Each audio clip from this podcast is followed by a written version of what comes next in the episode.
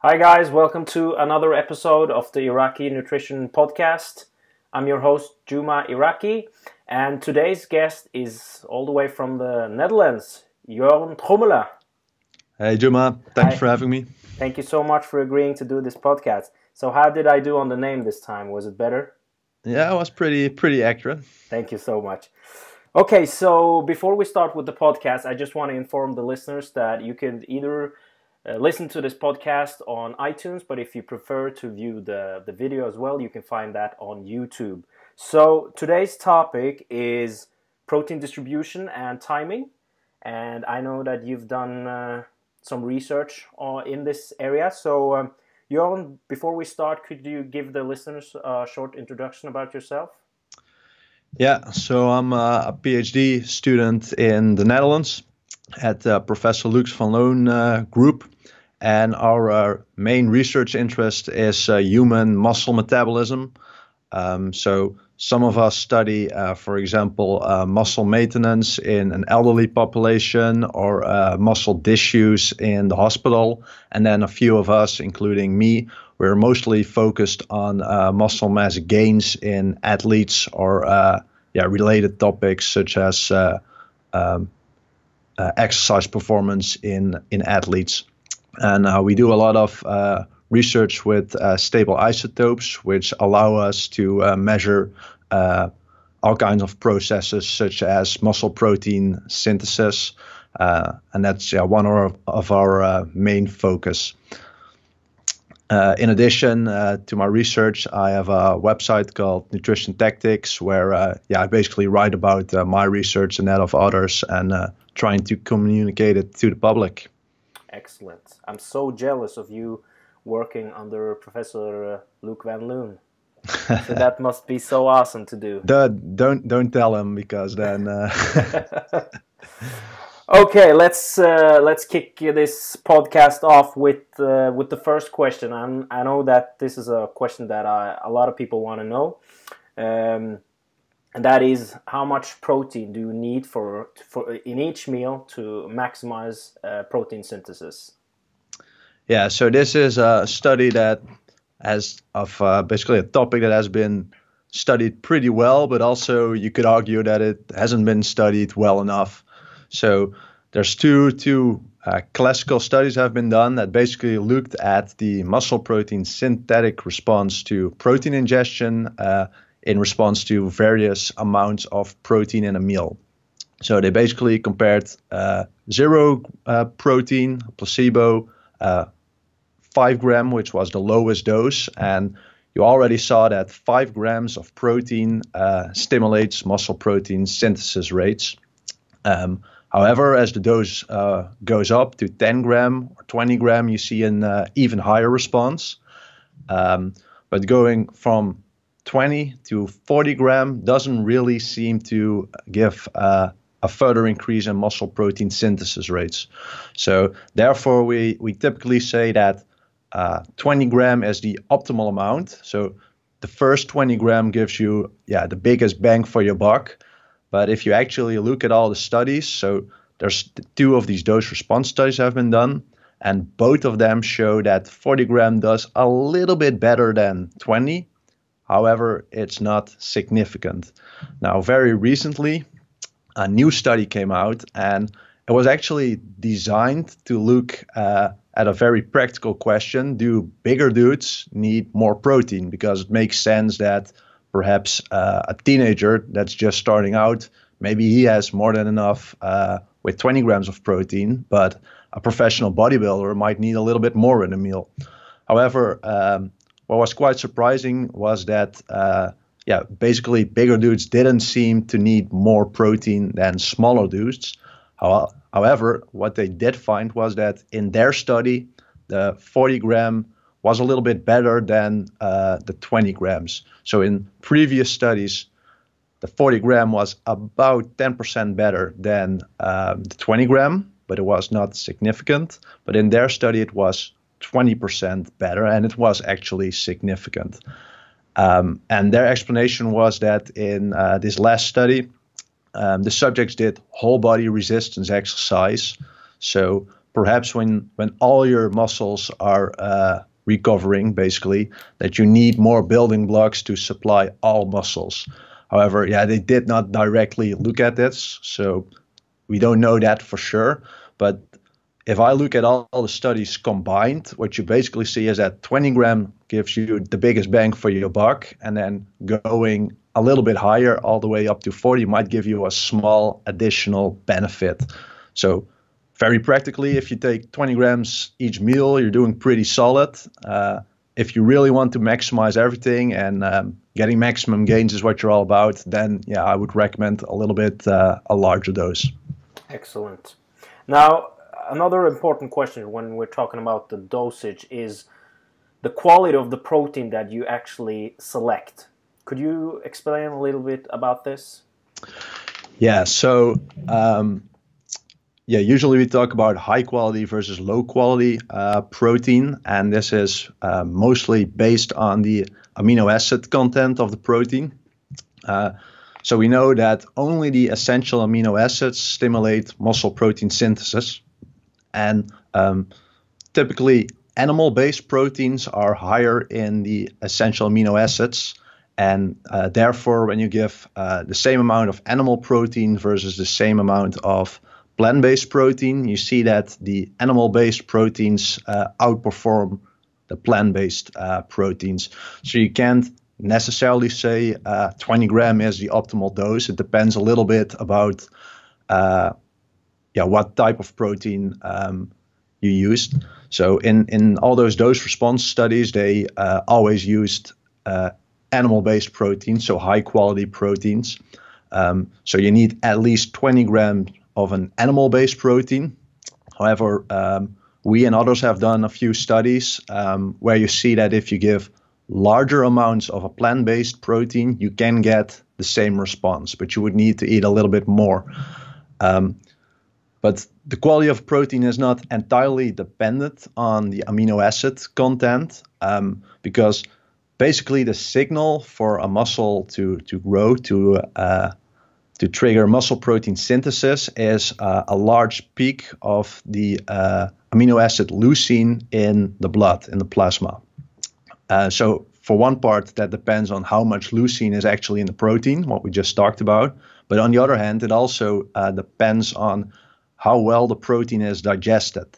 So um, you often hear uh, uh, whey is a fast protein and casein is uh, a slowly digesting protein. And um, because whey is rich in leucine and it digests very fast. You get a very big peak of leucine in the in the blood, and therefore whey is very effective at stimulating muscle protein synthesis. It's uh, basically the best protein uh, we know.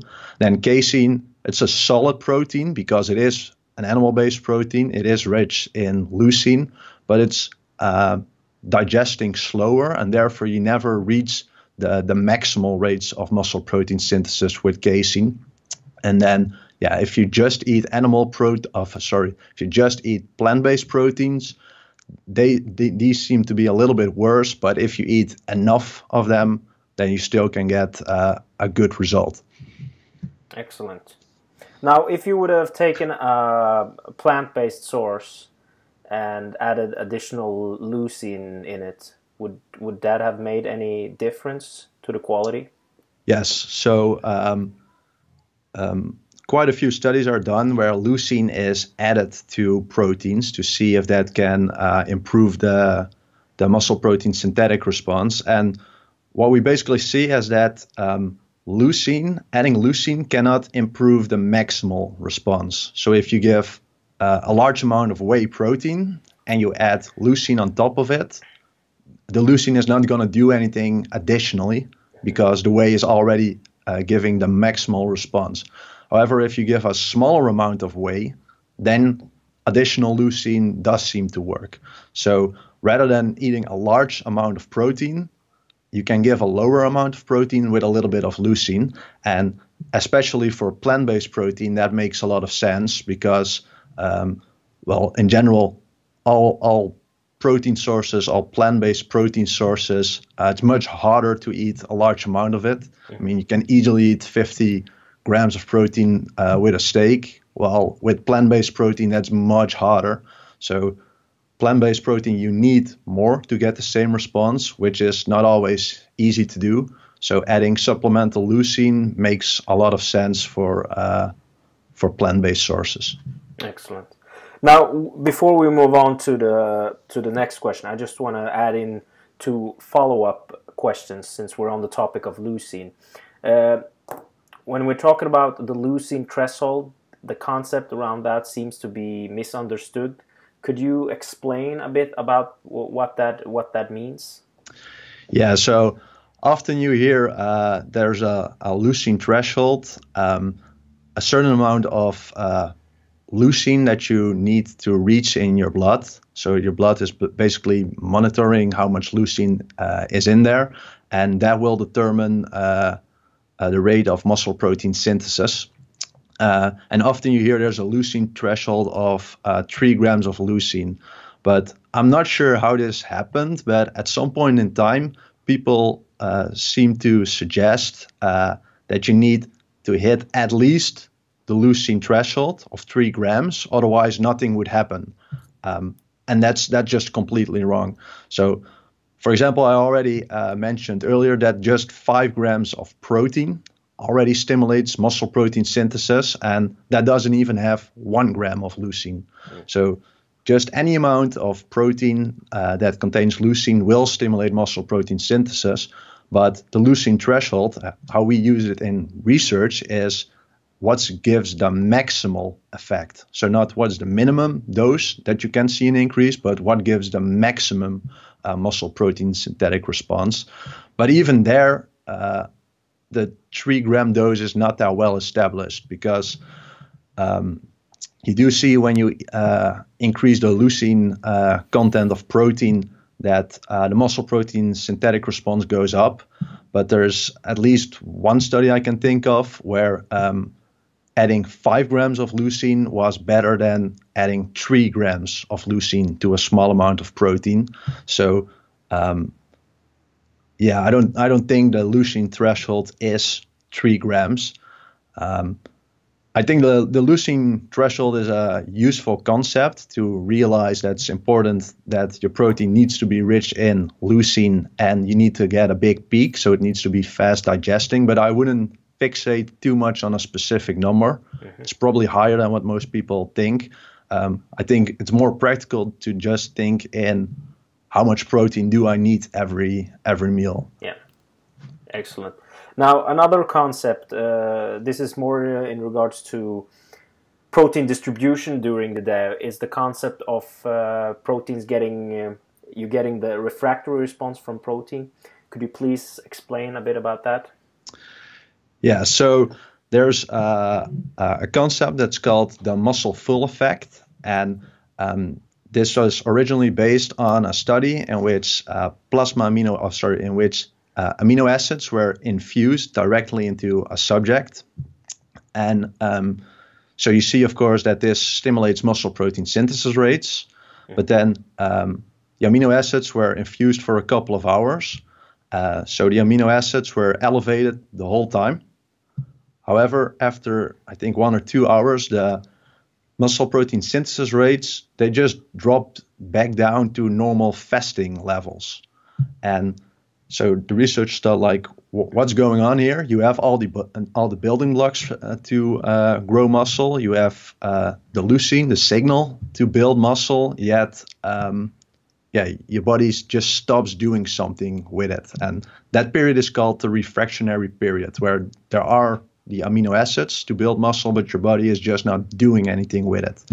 And that study has been repeated with oral protein. So it's not just something that only happens in weird infusion studies or something. However, um, I'm not super convinced about this whole concept, um, at least not for athletes. So um, we know that um, when you do exercise, uh, exercise works synergistically with protein. So exercise stimulates muscle protein synthesis, protein ingestion stimulates muscle protein synthesis, and the combination of both uh, is is better than each one separately. But exercise does not just increase uh, the the peak of muscle protein synthesis, it also sustains uh, the response to protein ingestion much longer. So a couple of studies have been done where if you eat protein, you see uh, that muscle protein synthesis goes up for about three hours, but then falls back down again. Um, however, if you did exercise before that same amount of protein, muscle protein synthesis uh, stays up for at least five hours. So it seems that if you eat, your your muscles are much more sensitive to protein, and where in a non-trained state uh, or a non-exercise state, your your body basically realizes, yeah, we don't really need all this protein. There's really no need for muscle protein synthesis, uh, and this is of course what we see, right? You cannot eat yourself. Uh, to become a bodybuilder. You can eat all the protein in the world, you'll never become a bodybuilder. However, your body does seem to realize that when you exercise, now uh, all this uh, muscle protein synthesis does seem to be useful. So, yeah, I do think there's a refractionary period, but I think for serious athletes who are basically always in a post exercise state, well, because we know that um, the effect of exercise on uh, muscle protein synthesis uh, is at least 48 hours I don't think it's that relevant for for athletes. Okay, excellent. Now, uh, just a follow up question on that. Um, well, lately in the fitness industry, there's been some. Uh, there's been a concept where people are recommending that you eat four uh, equal meals, like equal protein dosage meals a day, and then you supplement with branched chain amino acids between the meals. Is there any research that supports this concept? Uh, yeah, I know this is a, a very popular uh, topic. Um, it, it's possible, I, I, don't really remember, that th- there might be some evidence for this in animal models, mm-hmm. um, but I don't even think they used protein as an alternative. Um, okay. So, it, yeah, it is based on that muscle uh, full effect that um, once your uh, muscle becomes refractory to protein, you can eat more protein, but it's not going to do anything. It seems weird to me that branched chain amino acids, which are a component from protein, would work, but that protein itself doesn't work. That doesn't really make any sense to me. I can say for sure that uh, there's no human evidence for this theory at all. So yeah, I'm I'm not a fan. Let's put it like that. Okay, thank you. Okay, the next question is like I can I can give you an example. Like I often have athletes that are hitting their total protein during the day, but the distribution usually is messed up. It's very typical to uh, it's it's a very typical pattern that I see with a lot of athletes that I work with is that low protein for breakfast, low protein for lunch, maybe a little bit more protein post workout, and then there's a huge dose of protein for dinner and then it's lower again in the evening. So total they're hitting what they're what they should be but the distribution is not optimal. So is is total protein all the only thing that matter or should people always also give attention to the distribution during the day? Yeah so this is quite a, a hot topic currently. Um, and there's not really a, a solid answer. I cannot tell you no total protein is all that matters, and I can also not tell you yes distribution will will double your gains. Um, there is there's uh, it's by the way interesting what you said with the athletes you're working with. Um, I recently did a study where we um, looked at protein intake of a very large group of athletes, uh, over 500. Uh, quite a few of them even at the Olympic level, and almost all of them eat like that. Yeah. So even the Olympic athletes are like, yeah, I just hit my protein and then then I'm good. Yeah. To be fair, they, they were not necessarily like bodybuilders that that specific group, so it might be different in more, uh, yeah, in sports where body composition is their main focus. But typically, athletes they don't focus that much on protein distribution. Um, now, if you look at the acute studies, so where muscle protein synthesis is measured, um, then especially the ones in a post-exercise condition, uh, most of them suggest that uh, distributing your protein equally throughout the day is better than having either less meals or uh, unbalanced meals. So, for example, low breakfast, low uh, lunch, huge dinner. It's it's better to spread the protein out over those three meals, and might even be better to spread it out over four or five meals, for example. However, um, those results haven't really been confirmed in longer term studies uh, so far. Um, because of that, a lot of people are skeptical because, well, you often hear uh, people saying, yeah, those muscle protein synthesis studies are nice, but if it doesn't translate to a long term study, what does it mean? Um, I think that's a little bit of a misunderstanding of what muscle protein synthesis is. It, it's not like a molecular marker, it's actual muscle growth. So it should translate. Um, but more importantly, uh, I don't think these people realize that these long term studies have their own drawbacks. So basically, long term studies are very, very insensitive to see differences between groups.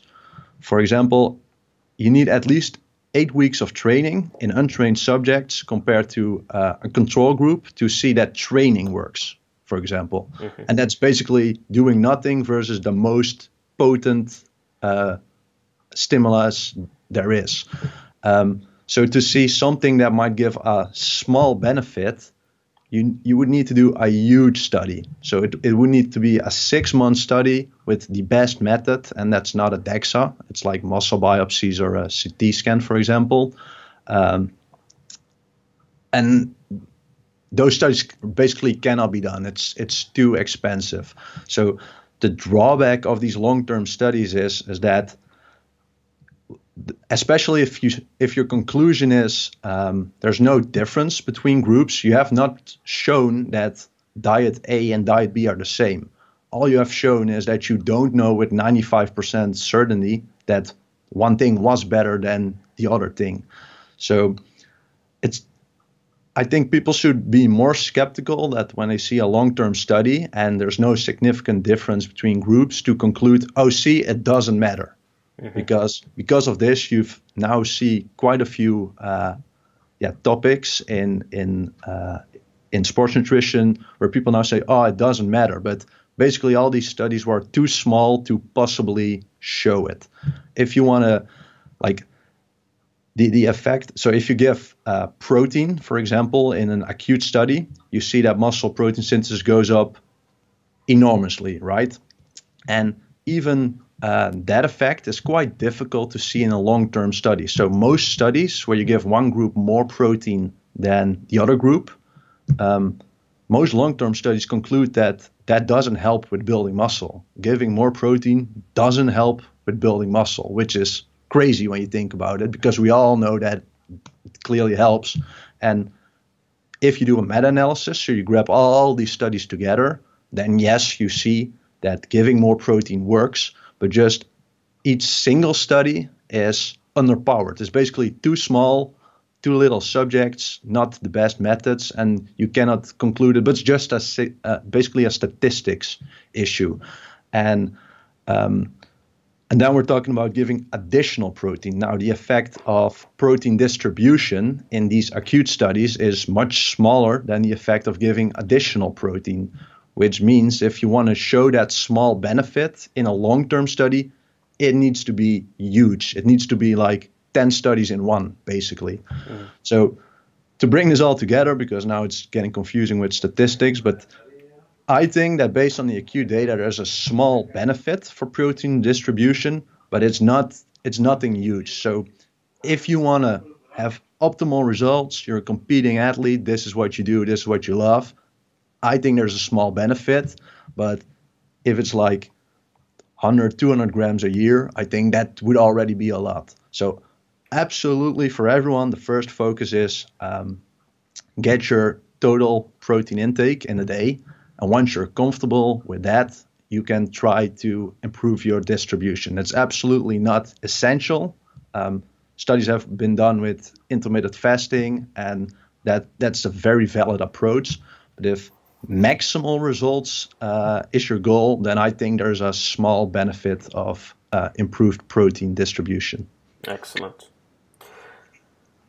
Now let's focus a bit more on um, different time during the day where protein intake uh, often is often overlooked, but it might be one of the most important times to consume sufficient protein, and that is that is pre-bed meal. And I know you've done um, a lot of uh, research on on this topic. So, could you tell us what your studies uh, have have shown on uh, on on this topic? Yeah, so uh, most of these uh, muscle protein synthesis studies are done in an overnight uh, fasted state. It's just to standardize things from a from a science perspective. It's it's the best because well, if everyone slept, there's no difference in physical activity. If everyone is fasted, there's no difference in their uh, food intake. However, the drawback is always every like it's always funny to me when people say this study is good and this study is bad. Every design choice has pros and cons. Mm-hmm. So um, those decisions, overnight fasted state, uh, it's very strong from a research pers- perspective, but it's not really a practical situation. Um, so we do a lot of these overnight fasted studies. But at some point, we thought, okay, let's try to study muscle protein synthesis in a more practical situation. So what we wanted to do is let people just have a normal day. So um, just walk around, do their their normal daily activities, um, and just eat normal. Like so, basically, like you mentioned, it's a breakfast with a little bit of protein, but not crazy. Uh, a lunch with a little bit of protein, but not crazy. Huge dinner, um, and then we let them uh, do some exercise in the evening and then consume protein after exercise. So basically, what a recreational fitness gym goer would do. Mm-hmm. And we find that despite the training and despite having a reasonable amount of protein during the day and even post workout nutrition in the evening, that the overnight muscle protein synthesis rates were yeah quite low. So um, yeah, basically uh, we thought um, clearly eating protein during the day doesn't seem to have a whole lot of, of uh, effect in the night. Let's see what happens if we give some additional protein uh, prior to sleep. And um, yeah, basically we saw that the protein was just uh, properly digested and absorbed because people always worry um, that they will be awake and that they can't sleep or that the protein just stays undigested uh, in their stomach. That was absolutely no pro- uh, no problem the protein digestion was exactly the same as during the day. Um, and after the protein was digested, it uh, yeah it, it, ended all the way up in the muscle and stimulated muscle protein synthesis rates. Um, then we did a follow-up study where we basically did uh, the same concept, but then uh, in a long-term study. So now uh, subjects trained for 12 weeks. Uh, we gave them uh, either protein or placebo every day uh, before sleep and looked at their muscle mass. And um, well, one thing that I like about that study is that you saw no increase in lean body mass when you looked at the DEXA. So you often hear like, oh, DEXA, it's such a good measurement. Actually, our study shows no increase in muscle mass in the DEXA, but we did see an increase in muscle mass when you measure uh, I think we used MRI and we used uh, muscle biopsies to look at both type 1 and type 2 uh, muscle fiber hypertrophy. Mm. So these two uh, measurements are way, way, way more expensive, uh, take way more time to do, and you clearly see that it paid off because on these measurements you saw that uh, protein was effective. Additional protein prior to sleep did help build more muscle mass while the DEXA did not. So, uh, I, yeah, I, I think that message is so important that people, if a study just uses a DEXA, people need to be more careful that when a study with a DEXA shows no difference between groups, it doesn't necessarily mean no difference between groups. Um, so luckily, we we had the money and the time available for these additional me- uh, measurements, and we saw that additional protein prior to sleep was effective to build more muscle mass. Um, of course, a question you c- can ask is, what if you would have given that protein at a different uh, point during the day? Would it be just as good, or is there something magical about prior to sleep? Uh, well, I don't think there's anything magical about prior to sleep. Um, but what I do think is where you time your protein in a day can make a little bit of a of an influence, but there's nothing nothing magical about just before sleep or or the night. It's just that um, we, we previously talked about the protein dose response, where the first uh, 20 grams of protein is highly anabolic, and then going up only does a little bit more, right? So if you would give an additional bolus of protein, um, to me it makes sense. Do it at a moment where there's not really much protein in your system. So then you get that biggest bang for your buck, right? So it's not that I think that protein prior to sleep is better than a different time. If you always skip your breakfast and you take the same amount of protein in your breakfast, it's just as effective because again you have that biggest uh, bang for the buck. So we're not trying to tell people you need there's there's a magical window of opportunity. It needs to be prior to sleep, but if you're going to take a supplement somewhere, you might as well do it at a moment where you're yeah more or less in a fasted state. Um, yeah, that's that's really all I can. What what perhaps is relevant is we just recently published a study where we gave uh, subjects either a lot of uh, protein or carbohydrates uh, after training. So they train in the evening and then they got 20 grams of protein after training, directly after training, and then an additional 60 grams uh, before they went to bed. And then the next morning, we looked uh, at their muscle protein synthesis rates. And we gave them, uh, after that measurement, we gave them another bolus of protein and looked at uh, their muscle protein synthesis rates again. And the other group did exactly the same thing, uh, but rather than uh, a shitload of protein, they got carbohydrates uh, in the evening before. And what we wanted to see is that if you eat a lot of protein at some point, then later on, um, your response to new protein would be less because you, I can imagine that your body basically that the synergy between exercise and protein is limited. So, for example, the first 80 grams of protein you get after exercise, your body can make very good use of it. There's a lot of synergy, but then afterwards, your body is like, okay, I, have used all that protein. This is how much I'm going to grow in the next 24 hours, for example. Mm. But we saw there was no difference uh, between the groups. So, eating a lot of protein prior to sleep does not uh, have any influence on how you react to protein the next morning. So, by extension, that basically shows that if you would eat a lot of protein in the morning or even um, during lunch, for example, that's not going to impact how you would respond to protein prior to sleep, right? Because it's too far apart. So, I don't really think the the question is that important. Like, at which time point do you respond the best to protein? I think you should maximize the muscle protein synthetic response to every meal. Mm-hmm. So it's very simple. Is your uh, protein at breakfast optimal? No. Eat more protein at breakfast. Same at lunch. Same dinner. Same post exercise. Same uh, same uh, pre sleep. And I don't. I'm I'm unsure why people folks like. Oh, but maybe if you gave it in the morning, it would be just as good. Well, yes, probably giving more protein in the morning is going to do something and might be just as good. But then the next question is the protein, the additional protein you give in the morning, it's not going to do something 12 hours later in the night.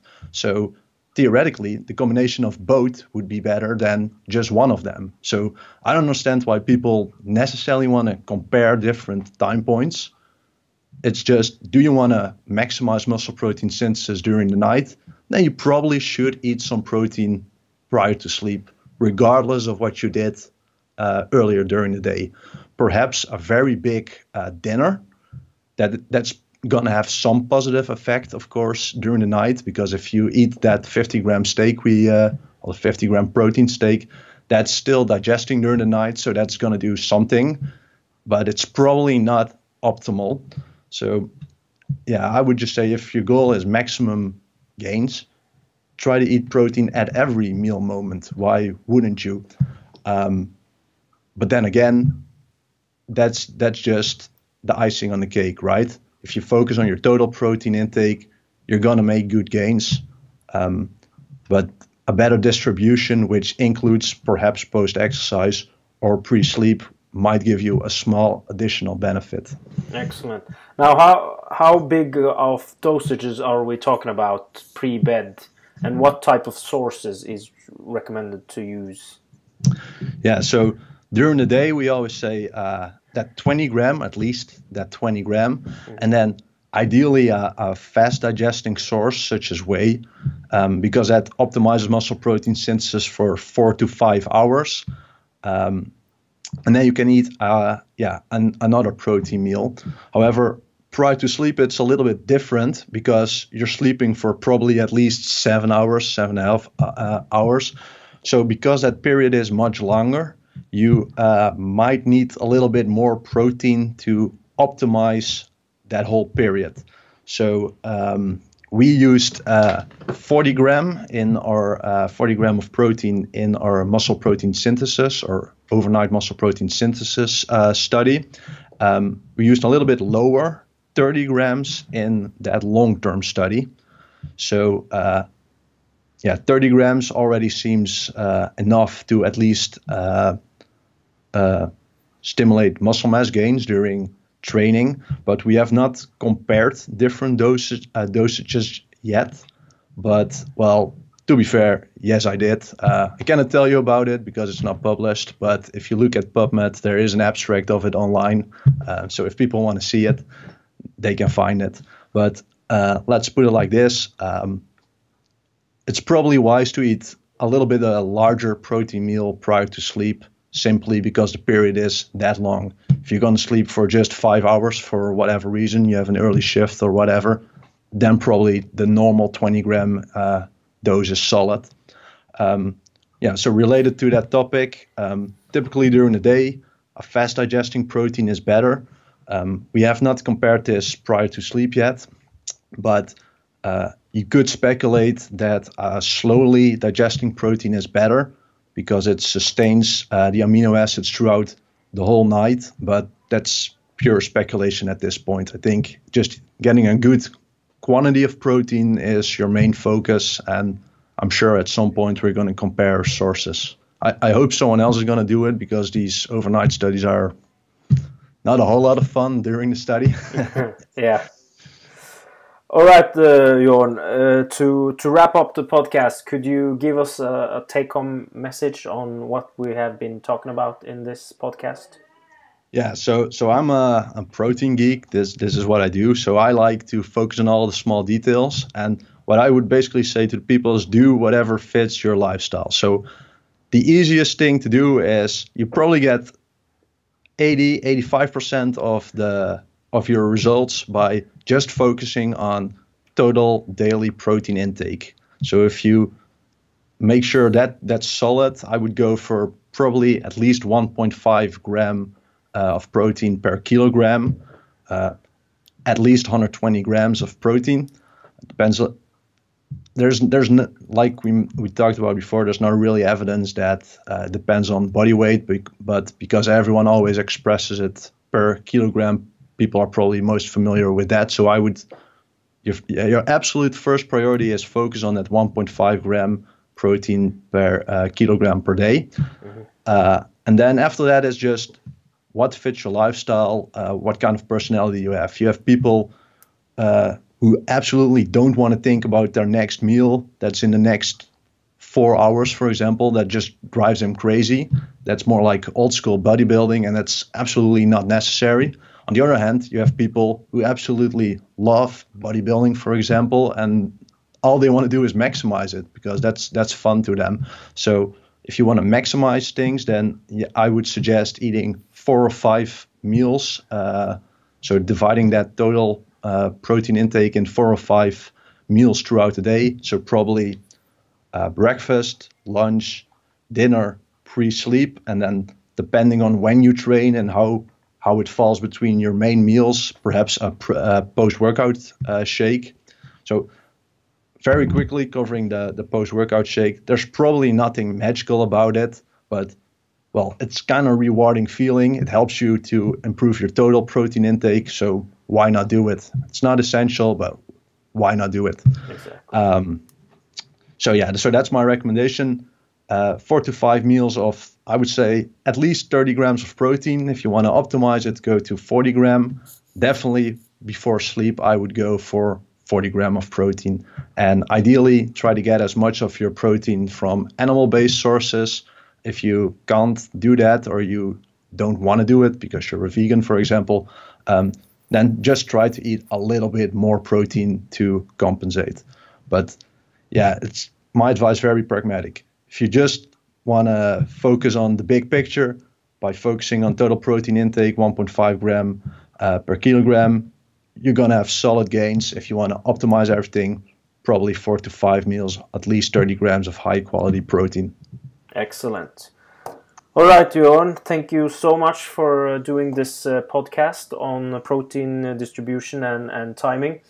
Before we sign off, could you please tell people where they can find more information about you?